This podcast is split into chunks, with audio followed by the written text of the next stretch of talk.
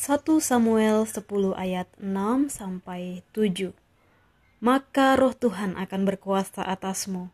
Engkau akan kepenuhan bersama-sama dengan mereka dan berubah menjadi manusia lain. Apabila tanda-tanda ini terjadi kepadamu, lakukanlah apa saja yang didapat oleh tanganmu, sebab Allah menyertai engkau.